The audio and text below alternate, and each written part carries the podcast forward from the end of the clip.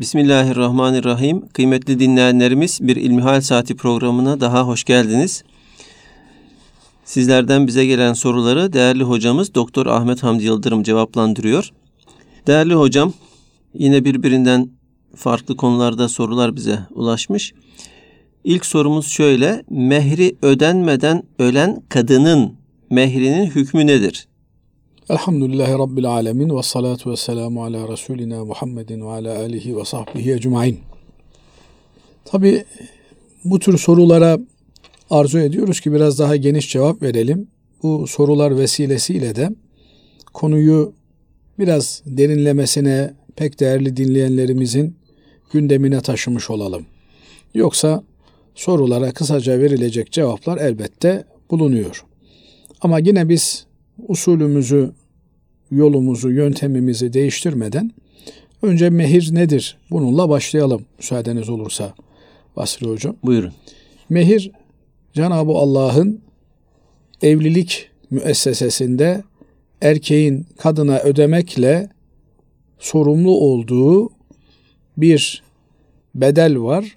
Buna Cenab-ı Allah mehir olarak adlandırıyor ve erkeklerin bu mehri ödemelerini emrediyor. Hanımları ücretleri mukabilinde, mehirleri mukabilinde evlenmek için talep edersiniz, edebilirsiniz. Ettiğinizde malindeki ayeti kerimede bu net bir şekilde ortaya konulmuş. Binaenaleyh bir evlilik akdinin olmazsa olmaz şartı erkeğin kadına ödeyeceği mehirdir. Hiçbir şey ödemeden bir evlilik akti icra edip kadını alıp götürmek türünden bir uygulama İslam'da geçerli bir uygulama, caiz bir uygulama değildir. Mehir konuşulmamış olsa bile otomatik olarak mehir devreye girer. Binaenaleyh otomatik olarak devreye giren mehir, mehri misil dediğimiz kızımızın, kadının dengi olan kızların aldığı mehir olarak kendiliğinden tayin ve tespit edilmiş olur. Ama işi bu noktaya bırakmamak için bir çocuk veya teklif kız tarafından da gelebilir. Bir kızla bir erkek evlilik müessesesi kuracak olduklarında şahitler huzurunda belli bir meblağ üzerinden mehir olarak konuşulur ve karşılıklı tarafların evliliğe dair rızalarını beyan etmeleriyle evlilik akdi gerçekleşmiş olur. Bu yönüyle mehir diye adlandırdığımız kadının erkekten erkek tarafından isteyebileceği tek kalem talep mehirdir. Mehrin dışında bir şey isteme hakkı yoktur. Aile de baba da kızını evlendirirken damadından efendim başlık parası, çeyiz parası, ayak bastı parası, süt parası, yoğurt parası diye herhangi bir bedel talep edemez. Etse ve alsa da bu helal olmuş olmaz. Ama gelenektir, görenektir, usuldür, adettir. Kız tarafı erkek tarafına, erkek tarafı kız tarafına bir takım hediyeleri gönülden gelerek yaparlar. Bu ayrı bir mevzu. Ama hediye pazarlık konusu yapıldığında hediye olmaktan çıkar. Binaenaleyh şu kadar vereceksin, şunu yapacaksın, bunu yapacaksın türünden pazarlığa konu edilebilecek tek şey kızın namı hesabına, kızın eline verilmek üzere erkek tarafından istenilen mehirdir. Bunun dışında hiçbir şey istenilemez.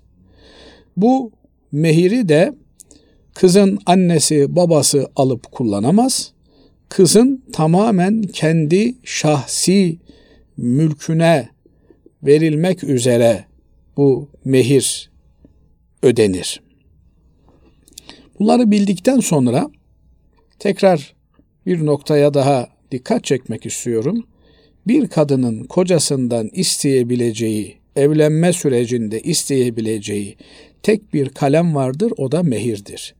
Bunun asgarisinin bir sınırı var. Şundan daha az olamaz denilen bir sınırı var. Ama bir üst limiti azamisinin bir sınırı yok. Dolayısıyla bir kilo altın da isteyebilir, bir ton altın da isteyebilir, daha fazlasını da isteyebilir. Bununla ilgili bir sınırlama, bir üst limit söz konusu değil. Yeter ki taraflar kendi aralarında anlaşsınlar, uzlaşsınlar. Bir noktada rızalarını beyan edip onun üzerine evlilik akdini icra etsinler. Şimdi memleketimizde gördüğümüz uygulamalar, adet haline, gelenek haline gelmiş olan uygulamalar bu mehrin peşin olan kısmının evlilik sürecinde, aşamasında, efendim sözde, nişanda, evlilik aşamasında hem takı hem de elbise olarak alındığı, efendim söz alışverişine çıkar çocuklar, nişan alışverişine çıkarlar, düğün alışverişine çıkarlar. Tabi burada yanlış uygulamalardan bir tanesi de bu alışverişlerde e, erkek tarafı kız tarafına bir şeyler almakla yükümlüdür. Mehir olarak bunları kız talep edebilir ama kız tarafının erkeğe bir şey alma yükümlülüğü yoktur. Maalesef bu da bir adet, gelenek ve görenek olarak dayatılmakta. Evlilik yükünü kızın da çekmesi, kızın üzerine de bir şeyler yüklenilmesi artık gittikçe yaygın hale gelmektedir. Ama bunun dini hiçbir tarafı, tutarlı hiçbir yönü yoktur. Ne var ki bir takım yanlış uygulamalar, bir takım yanlış e, alınan, çıkartılan kanunlar artık erkek kadın eşit binaenaleyh ben ne yapıyorsam kız da onu yapacak diye adeta evlilik müessesesinin masraflarını ortadan ikiye bölme, madem yarın öbür gün ayrıldığımızda bütün mal varlığı ikiye bölünüyor, o zaman sen de e, bu evin kuruluşunda yarı yarıya ortak olmalısın türünden uygulamalar dinle, diyanetle alakası olmayan şeylerdir. Evlilik yükü tamamen erkeğin omuzlarındadır. Evlilik müessesesinin e, masrafları kocanın sorumluluğundadır. Her ama, ne kadar ama kız tarafının da öyle e, mehirden başka bir şey istemeye hakkı yok. Onu da söyle, tekrar tabii, söyleyelim. Tekrar tekrar söylüyoruz. kız tarafı sadece mehir olarak bir şey isteyebilir. Evet. Bunu 10 kilo altında isteyebilir, 1 ton altında isteyebilir. Ama mehrin dışında bir şey istemeye hakkı yoktur. Binaenaleyh memleketimizdeki uygulamalar e, akit esnasına kadar ödenen bir peşin mehir, bir de akit esnasında akit tutanağına geçirilen, yazılan bir vadeli müeccel, ecelli zamana bırakılmış olan mehir bulunmaktadır. Genelde de işte 10 e, hamidiye altını, 20 hamidiye altını türünden şeyler Şimdi yazılmaktadır. Hocam bu yani mehir bir total bir rakam e, diyelim ki yani daha kolay anlaşılsın diye mesela e, diyelim ki 10 bin lira e, karar kıldılar. Bunun e, bir kısmını yarısını önce veriyor beşi de müeccel mi oluyor yoksa bunlar farklı farklı mı Doğru e, olanı buyurduğunuz gibi efendim yani kızı istenilmeye gidildiğinde biz sizden işte bir kilo altın mehir olarak isteriz. Bunun 500 gramını efendim evlilik alışverişi, nişan alışverişi, söz alışverişi de e, üst baş olarak, takı olarak kullanırız. Geri kalan yarım kilosunu da müeccel olarak işte Allah göstermesin e, yarın öbür gün bir ayrılık olursa ayrılık esnasında ödenmek üzere veya soruda sorulduğu şekliyle bir ölüm vaki olursa kadının veya erkeğin ölmesi Cenab-ı Allah hayırlı ömürler versin, ibadet ömürleri lütfeylesin. Amin. Ee, taraflardan biri öldüğünde evlilik bağı bitmiştir. Binaenaleyh evlilik bağının sonlanması, sonlandırılması durumunda bu vadeli olan mehir artık peşin olarak ödenecek demektir. Bu vadeli olan mehir en son evlilik bağının sonlanmasına kadar vadesi uzar. Ondan sonraya kalmaz. Binaenaleyh taraflar ayrılırlarsa, adam hanımını boşayacak olursa, o zaman hanımına bu vadeli olan kısmı, mehrin vadeli olan kısmını öder. Zaten peşin olan kısmını ödemiştir. Eğer kadın boşanmak isterse herhangi bir haklı gerekçesi yok ama diyor ki artık sana karşı bir şey hissetmiyorum, elektrik almıyorum. Binaenaleyh böyle elektrikten, sudan sebeplerle kadın boşanmak isterse o zaman kocasına mehrini bırakmış olur. Kocanın evlilik için yaptığı masrafları kocasına iade etmiş olur. Niye? E adam bir daha evlenecek. Bir defalık evlenebilecek kadar imkanı vardı. Onu da hanımına kullandı. Hanımı şimdi elektrikten, sudan bahanelerle ben bu evliliği devam ettirmek istemiyorum diyor. O zaman evlilikte adamın yüklendiği masrafları ona öder, o da gider bir başkasıyla evlenir. Evet boşanmak e, arş-ı alayı titretecek kadar büyük bir iştir. Ama e, taraflar birbirlerine tahammül edemiyorlarsa birbirlerine karşı e, bir takım geriye dönüşü imkansız zararlar vermektense boşanırlar. Böylelikle bir başkasıyla tekrar bir e, evlilik deneyimi yaşayabilirler. Eğer koca hanımını boşuyor ise o zaman ödediği veya ödemek durumunda olduğu mehriden tamamen feragat etmiş olur. Efendim işte bir kilo altındı 500 gramını ödemişti 500 gramı geride kalmıştı. O 500 gramını da öder. Böylelikle evlilik ilişkisi sonlanmış olur. Bir diğer evlilik ilişkisinin sonlanması da ölüm halinde gerçekleşir. Kadın veya erkek evli çiftlerden birinin ölümüyle beraber artık evlilik bitmiş, sonlanmış demektir. Bu durumda da mehrin ödenmesi gerekir. Eğer kadın vefat etmişse efendim kadının mehrini kocası e, verir. Nasıl verir? Mirası ortaya dökülür, çıkartılır. Bu mirasından efendim cenaze masrafları görülür kadının. Geriye kalan parası borcu varsa borcu ödenir. Yoksa vasiyetleri varsa malının üçte birinden vasiyetleri ödenir. Onlar ödendikten sonra geri kalan parası mirasçılarına bölüştürülür. Kimdir ölmüş olan kadının mirasçıları? Elbette kocası mirasçılarından biridir. Eğer ölen kadının çocukları varsa kız veya erkek fark etmez. Kocası hanımının mirasının bir bölü dördüne yüzde yirmi beşine hak sahibidir. Geriye kalan mirası ölen hanımın annesi varsa annesine bir bölü altı, babası varsa babasına bir bölü altı, kalanı çocuklarına erkek kız çocuklarına bölüştürülür. Eğer çocukları yoksa ölen kadının o zaman koca hanımının mirasının yarısını alır. Bir bölü ikisini alır. Annesi babası varsa onlar paylarını alırlar. Annesi babası yok.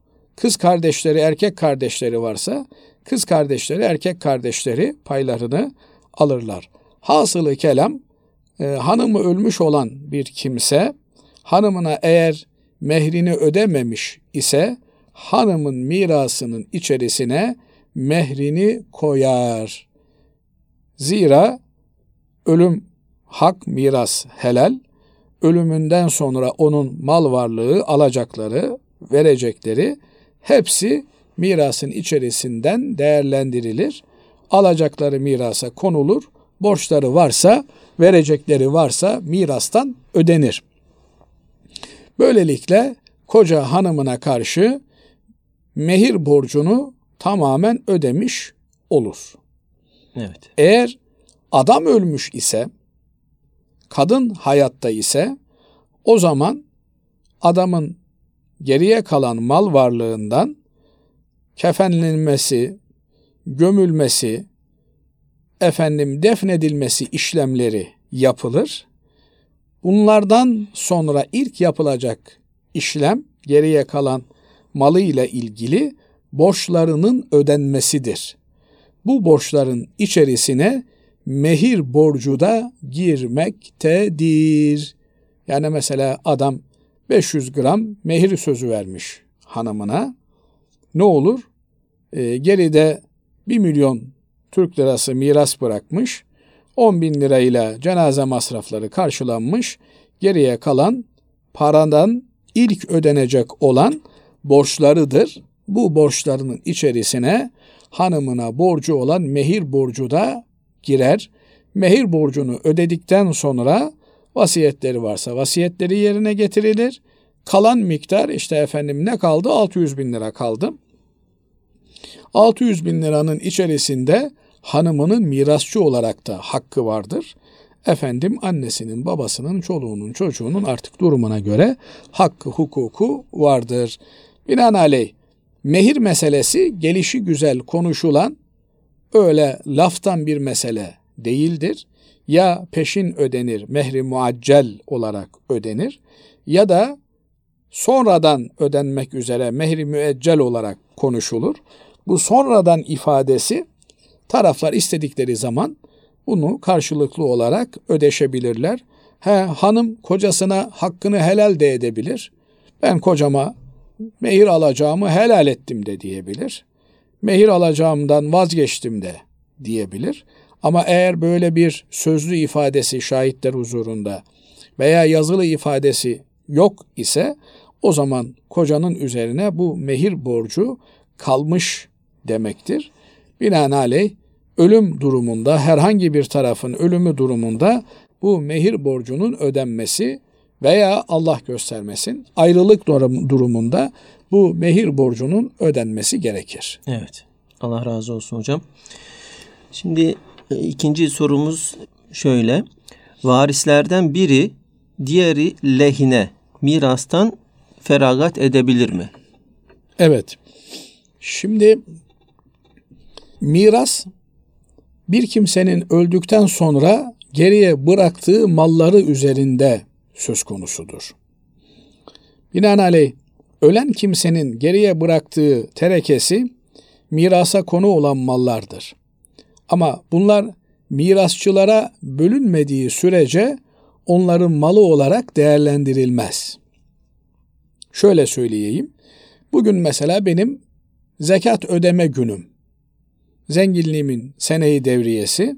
Her sene zengin olduğum gün yani seneyi devriyesinde zekatımı hesaplayıp ödüyorum. Nasıl hesaplıyorum? O gün elimde ne varsa, kasamda ne varsa ister kasama bir gün önce girmiş olsun, ister bir yıl önce girmiş olsun kasamdaki mal varlığını hesap ediyorum, alacağımı, borcumu mahsuplaşıyorum. Binaenaleyh diyorum ki işte elimde 5 bin lira bir para var. Bu paranın zekatını ödemekle yükümlüyüm. O gün zekat vereceğim günün bir gün öncesinde bana miras bırakacak kişilerden biri ölmüş olsa ve farz-ı muhal oradan da pay edildiğinde 100 bin lira bir miras geliri bekliyor olsam evet. bugün mal varlığımı hesap ederken zekata bağlı olan, zekata matrah olan mal varlığım 500 bin, 5 bin lira mıdır yoksa 105 bin lira mıdır? 5 bin liradır. Henüz elime geçmediği için, henüz pay edilmediği için, henüz taksim edilmediği için evet bu bana düşecek ölüm hak miras helal Ama henüz elime geçmediği için benim tasarrufuma girmediği için o miras üzerinde benim bir tasarruf hakkım bulunmaz. Ne zaman tasarruf hakkım olur? Taksimat yapılır, bana teslim edilir. Ondan sonra onun üzerinde benim bir tasarruf hakkım bulunur. Binaenaleyh mirasçılardan birinin diğerlerinin tamamı lehine mirastan çekilmesi mümkün. Yani ben işte babamın tesbihini bana verin ben başka bir şey istemiyorum diyerek bir kimse mirastan çekilebilir. Huruc edebilir. Ama bana düşen mirası anneme hissemi anneme devrediyorum veya işte abime devrediyorum, kız kardeşime devrediyorum diyemez. Niye? Çünkü ona bir şey düşmemiştir henüz. Düştükten sonra ve elini aldıktan sonra istediğine verebilir. Hatta dilerse Basri Hocam size bile getirip yani, verebilir. Bir defa kendi üzerine alacak. He, bir ondan defa sonra... kendi eline geçecek. Evet. Yani mesela e, bir taksim yapılacak. Efendim ne var? Beş katlı bir binaları vardı. Üç tane kardeşlerdi, anneleriydi. Bilmem şuydu buydu. Efendim buna hangi kat düştü? Binanın üçüncü katı düştü. Kardeşim senin hakkın bu denildi. Taraflar rızalaştı, helalleşti. Sarıldılar, ayrıldılar. Ondan sonra diyebilir ki anneciğim ben bu hakkımı sana devrettim. Bu dairemi sana devrettim. Sen burada güle güle otur diyebilir. Binaenaleyh e, başlangıçta bu sözü söylemesinin bir anlamı olmaz. Ama taksimat bittikten sonra ona düşeni istediğine devredebilir. İlla bunun onun hesabına, bankasına efendim yatırılması gerekmiyor. İlla tapuyla üzerine tescil ettirilmesi de gerekmiyor. Hesaplama bittikten sonra efendim kime ne düştüğüne dair kurallar çekilip rızalaşma temin edildikten sonra bu aşamadan sonra dilediğine kendine düşen payı hisseyi devredebilir. Değerli hocam şöyle bir soru bize gelmiş biraz uzunca. 4 aylık bir bebeğim var ve uyku sorunu var. Eşim de vardiyalı çalışıyor. Bu yüzden ayrı odada yatmak istiyor. Çocuk yüzünden dinlenemediğini söylüyor ama artık ne doğru düzgün bir cinsi birlikteliğimiz ne de düzgünce bir sohbet ortamımız oluyor ve tartışmalarımız giderek e, artmaya başladı. Ne yapmalıyım? Dinimizde eşlerin ayrı yatmasının hükmü nedir? diye sormuş bize. Evet yani tabi e, Allah yardımcıları olsun. Cenab-ı Allah e, aile huzurumuzu e, bozmasın. Şimdi e, çalışan insan da eğer bedenen çalışıyorsa hakikaten dinlenmeye ihtiyacı var. Kadıncağızın da elbette e, sohbet etmeye, dinlenmeye ihtiyacı var.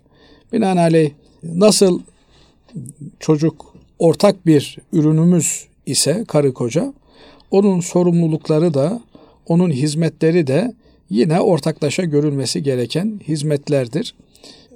Bir koca eğer hakikaten çocuklarıyla bağını güçlü tutabiliyorsa çocukların psikolojileri düzgün olarak büyüyecekler demektir. İşten geldikten sonra 10 dakikada olsa, yarım saatte olsa çocuğuyla ilgilenebilir. Bu arada kadıncağız e, kendine bir zaman ayırabilir, vakit ayırabilir. Efendim e, yine beraber yatmak meselesi e, gecenin 10'undan sabahın 7'sine kadar, 6'sına kadar, 5'ine kadar sürekli yatmak olarak da anlaşılmamalı. Efendim yarım saat, bir saat bir yatakta yattıktan sonra icap ederse eğer adamcağız uyuyamıyorsa, uykusunu alamıyorsa bir başka odaya geçebilir, orada uykusuna devam edebilir. Burada önemli olan eşlerin karşılıklı olarak birbirlerini anlamaları, birbirlerinin haklarına ve hukuklarına riayet etmeye e, niyet etmeleridir. Evlilik hayatı e, matematiksel bir hayat değildir. Evlilik hayatı e, bu benim hakkım, şu senin hakkın diye haklar üzerinden verilen bir mücadeleyle kazanılan bir şey değildir. Evlilik hayatı karşılıklı anlayışa dayanır. Çiftlerin birbirleriyle huzur bulmasına, birbirlerine sevgi ve muhabbet bağıyla, merhametle bağlı olmalarına e, dayanır. Eğer e, birbirlerine karşı merhametleri tükenmişse bu çok ciddi bir problemdir. Bu merhamette temel problem çocuğun ağlıyor olması, efendim çocuğun geceleri onları uyutmuyor olmasından daha ziyade farklı faktörlerin ortada bulunduğu e, bulunması bunları doğurmaktadır. Mesela işte adamcağız saat 8'de eve geliyorsa 12'ye kadar televizyon seyrediliyorsa televizyon mani olmaktadır. Yoksa çocuk aradaki mutluluklarına mani bir engel değildir. Binaenaleyh çocuğa karşı gösterilmesi gereken merhamet ve e, sevgi üzerinden bir e, tasarrufa gidilmemeli. Aksine onun yerine lüzumsuz televizyon gibi e, zararlı meşguliyetlerle olan ilişkimizi sonlandırarak ailemize, kocamıza, hanımımıza, çocuğumuza daha fazla vakit ayırmaya çalışma gayreti içerisinde olmalıyız. Ama hakikaten de taraflardan bir tanesi fiziken yoruluyorsa diğer tarafında buna anlayışlı olması gerekiyor. Bunun da temelinde karşılıklı sevginin, muhabbetin devam ediyor olmasıdır. Ee, bunun bir reçetesi, bunun bir e, çözümü alın şu hapı için böylelikle mutlu olursunuz. Alın bu muskayı takın böylelikle her şey düzelir diye bir şey yok. Burada e, Abdullah Sert abimizin naklettiği güzel bir söz var. Onu hatırlatmak isterim. İki iyi insan kavga etmez diyor. Bir iyi bir kötü insan da kavga etmez. Dolayısıyla bir yerde bir kavga varsa iki tarafta burada sorumludur demektir bu. Hakikaten taraflardan bir tanesi alttan alabiliyorsa, efendim idareyi maslahat edebiliyorsa, işte idare bu demektir. Bunu Allah için yapıyorsa Cenab-ı Allah bunun karşılığında ona mükafatını hem dünyada hem ahirette verir. Hem dünyada verir, bu dua yerine geçer. Hakikaten bakarsınız ki bir zaman sonra karşıdaki insanın da Cenab-ı Allah kalbine bir merhamet koymuştur. Onun da kalbi yumuşamaya başlamıştır. Ama eğer bunu Allah için yapmaz da başka beklentiler içerisine bir insan girerse bunun tesiri zor olur tabi. Ama bu dünyada karşılığını alamasa da Cenab-ı Allah Allah için yapılan hiçbir şeyi zayi etmeyecektir. Ahirette ona karşılığını fazlasıyla verecektir. Binaenaleyh ben yapıyorum o yapmıyor diye böyle bir pazarlığın içerisine girmemek lazım ev, evlilikteki ilişkileri bir alışveriş mantığı içerisinde düşünmemek lazım. 3 lira verdim karşılığında 3 liralık köfte alamadım türünden bir pazarlık konusu yap ben yaptım sen yapmadın sen yaptın ben yaptım türünden bir şeye girilirse bunun sonu gelmez. Binaenaleyh elimizden geldiğince e, iyilik yapmaya gayret etmeliyiz yaptığımız iyiliğin çetelesini de tutmamalıyız. İşte ben şu kadar şunu yaptım diye eğer bir çetele tutuluyorsa bu iyilik değil. Bu efendim e, vakti zamanı geldiğinde pazarlık kozu olarak kullanılmak üzere alınmış notlar anlamına gelir. Bunlar doğru şeyler değil. Evlilikte asıl olan Allah'ın vermiş olduğu bu nimete şükretmek. Allah bir çocuk vermiş size. O çocuk nimetine şükredin. Çocuğu olamayıp da çocuk için can atan milyonlarca insan var. Ayıpsız, kusursuz bir çocuk vermiş Cenab-ı Allah size. Çocuğu olup da o çocuğunu hastane hastane gezdiren milyonlarca insan var. Dolayısıyla dersiz başınıza dert aramayın. He, ararsanız arayan belasını da Mevlasını da bulur. Bizim gündemimiz ilmihal saati ama bazen bu tür şeylere de yeri geldiğince parmak basmak gerekiyor. Halimize şükredelim. Şükredilen nimeti Cenab-ı Allah artırır. Bazen de şükürsüzlük belasına tutuluyoruz. Bakıyorsunuz ki o nankörlük, o şükürsüzlük, efendim şu eksik, bu eksik, şu eksik, bu eksik. Nihayetinde hakikaten bakıyorsunuz bütün bağlar kopmuş. E, e dün e, ayrı odalarda kalmaktan şikayet ediyordun. Bugün tamamen ayrıldın. Ne oldu? Yani sen 3 e, saatliğine 5 saatliğine ayrı kalmayı problem ediyordun ama e, evlilik bağın devam ediyordu. Buna şükredemedin bugün tamamen ayrıldın. Ne kazandın? Binaenaleyh şükretmek lazım. E, pozitif taraflarından olayları değerlendirmek lazım. Onun için e, Hz. Peygamber aleyhissalatü vesselam Efendimiz e, kadınlara yönelik olarak e, sizler nankörlük yaparsınız, iyi geçimi nankörce karşılarsınız malinde onları ikaz ediyor. Niye? Yani bir evlilik hayatının her anı, her günü e, dört dörtlük mutlu mesut geçmez. Arada kavga olur, tartışma olur, efendim yanlış anlaşılmalar olur, şu olur, bu olur. Ama bütün bunlar yaşanan mutlu hatıraların hürmetine görmemezlikten gelinir. Üstüne şal çekilir. Olmamış gibi düşünülür. Bunların hesabı kitabı tutulmaz. İki gün, üç gün sonra işte sen bana şunu yapmıştın, ben sana böyle yapmıştım diye başlanmaz. Her gün yeni bir gündür ve her gün sıfır kilometre ile evlilikte güne başlamak gerekir. Buna muvaffak olabilen kimselerin evlilik hayatları uzun soluklu olur. Ama bit pazarı gibi eskileri hep çıkartıp servis etmeye başlarsak o zaman e, orada e, maalesef huzurdan ve saadetten bahsetmek mümkün olmaz. Dolayısıyla Allah'ın verdiği nimetlere bakmak gerekiyor. Ve eğer bir hakikaten olumsuz bir durum varsa dua silahına sarılmak gerekiyor. Ya Rabbi beni de eşimi de sana hayırlı kul eyle, senin şeriatını yaşayan insanlardan eyle. Aramıza peygamberinle hanımları arasına koyduğu sevgiyi, muhabbeti ver diye dua etmek lazım. Böylelikle Efendimiz Aleyhisselatü Vesselam'a çok salatü selam getirmek suretiyle manevi e, bağlarımızı güçlendirmek suretiyle yardım almaya gayret etmek lazım. Allah razı olsun hocam. Yine başka bir soru şöyle bize ulaşmış. Gözdeki lens abdest ve veya gusle engel olur mu? Şimdi Hanefi mezhebinde gözün içine suyu ulaştırma mecburiyetimiz yok. yok. Yani dolayısıyla gözün içi e, yüzün dışından sayılmıyor. Binaenaleyh gözümüzdeki lens bize bir zarar vermez. Ama bazı mezheplerde, sahabi mezheplerinde gözün içini de e, yüzden saymışlar. Ve hatta gözüne e, suyu ulaştırmak için fazla uğraşmaktan gözlerini kaybeden sahabe efendilerimizden evet. bahsedilir. Tabiinden bahsedilir. Binaenaleyh e, abdeste ve gusülde lensleri çıkartma mecburiyetimiz yok. Fakat lenslerle beraber uzun süre kalma imkanı da olmadığından hiç olmazsa gusülde lensleri çıkartıp öyle gusül almak daha faydalıdır ve daha e, sağlıklıdır. Şer'anda, dinen de daha uygundur diye düşünüyorum. Sorunun devamında da boya, oje, ruj ve jöle gibi maddeler abdeste ve tabii ki gusle engel olur mu diye devam ediyor hocam. Şimdi abdest ayetinde de gusülde de Cenab-ı Allah işte yüzümüzü, elimizi, vücudumuzu yıkamamızı istiyor.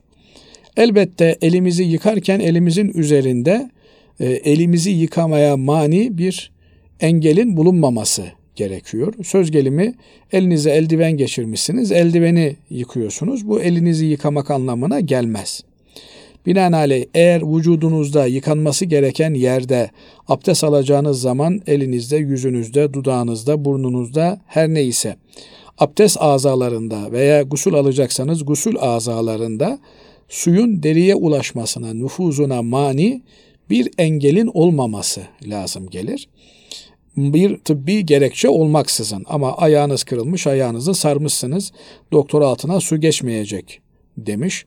Veya sargı var, sargıyı çözmeniz zararlı. O ayrı bir mesele.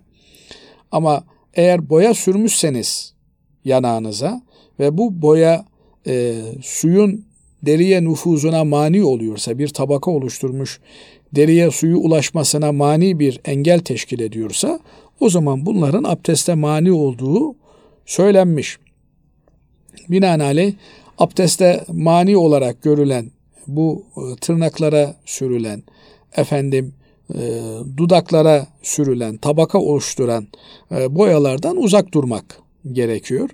Ama mesela bir adam veya bir kadın kına yakmış eline veya saçlarına veya işte egzama olan ayağına vesairesine e, kına yakmış.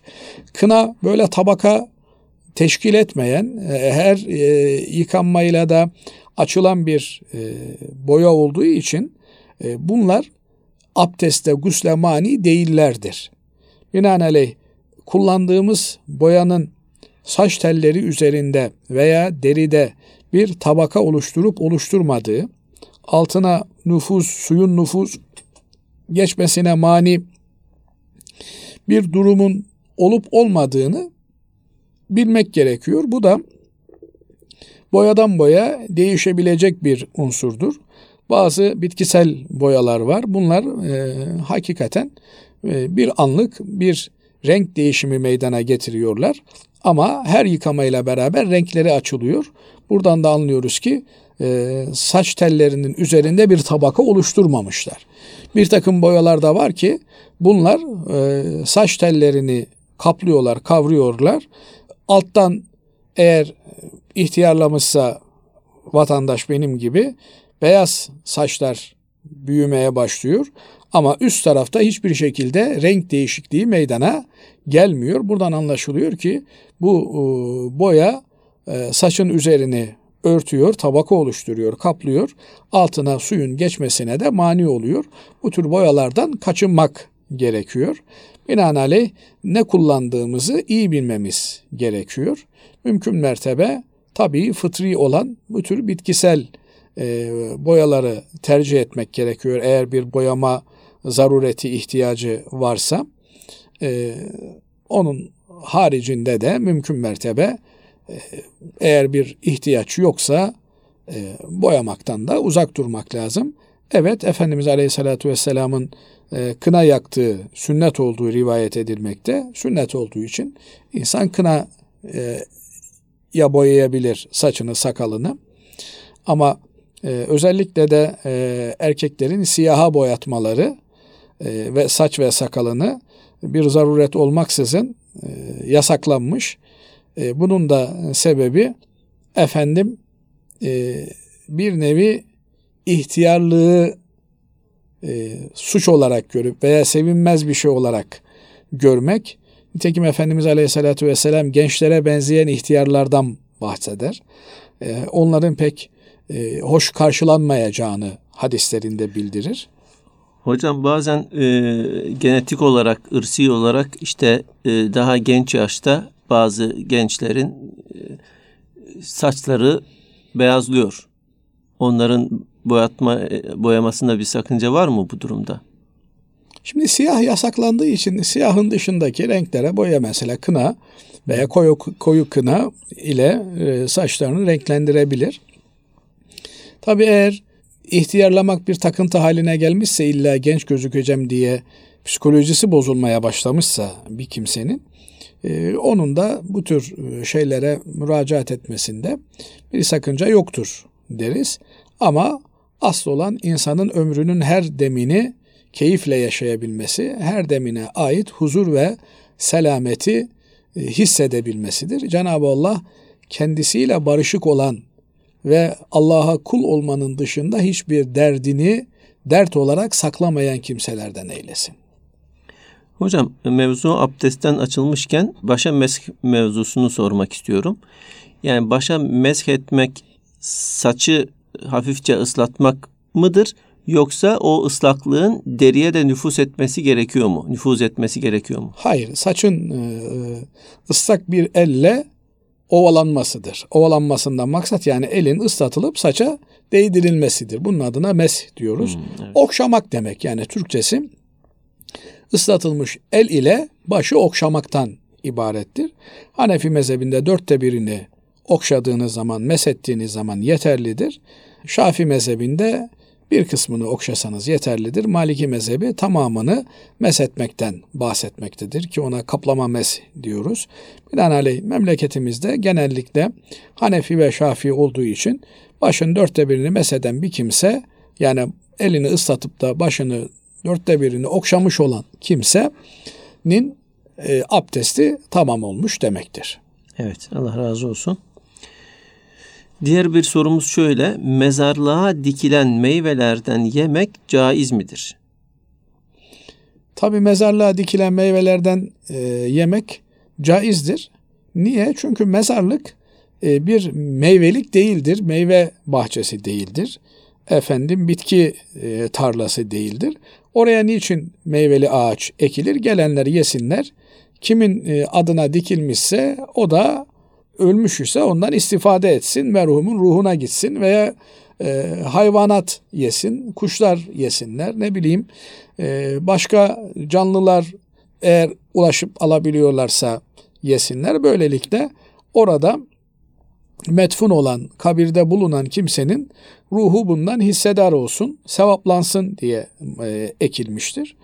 E, bu yönüyle de kabirlerde veya mezarlıklarda ekilen meyveler e, umuma açık alanlar demektir. Ama bir kimse e, bahçesinin bir kenarını mezarlık yapmışsa, işte tarlasının bir kenarını mezarlık olarak annesi babası kendisi orada yatsın diye ayırmışsa o zaman bu özel mülke girer. Oradaki ağaçlara dokunmak doğru değildir. Ama e, umum Müslümanların defini için tahsis edilmiş olan yerlerdeki meyveli ağaçlardan yenilebilir, yenilir ve o ağacı diken ve o kabristanda bulunanlar için de dua edilir. Allahu alem bunda da bir sakınca yoktur. Allah razı olsun. Kıymetli dinleyenlerimiz bir İlmihal Saati programının daha sonuna ermiş bulunuyoruz. Hepinizi Allah'a emanet ediyoruz. Tekrar görüşmek dileğiyle.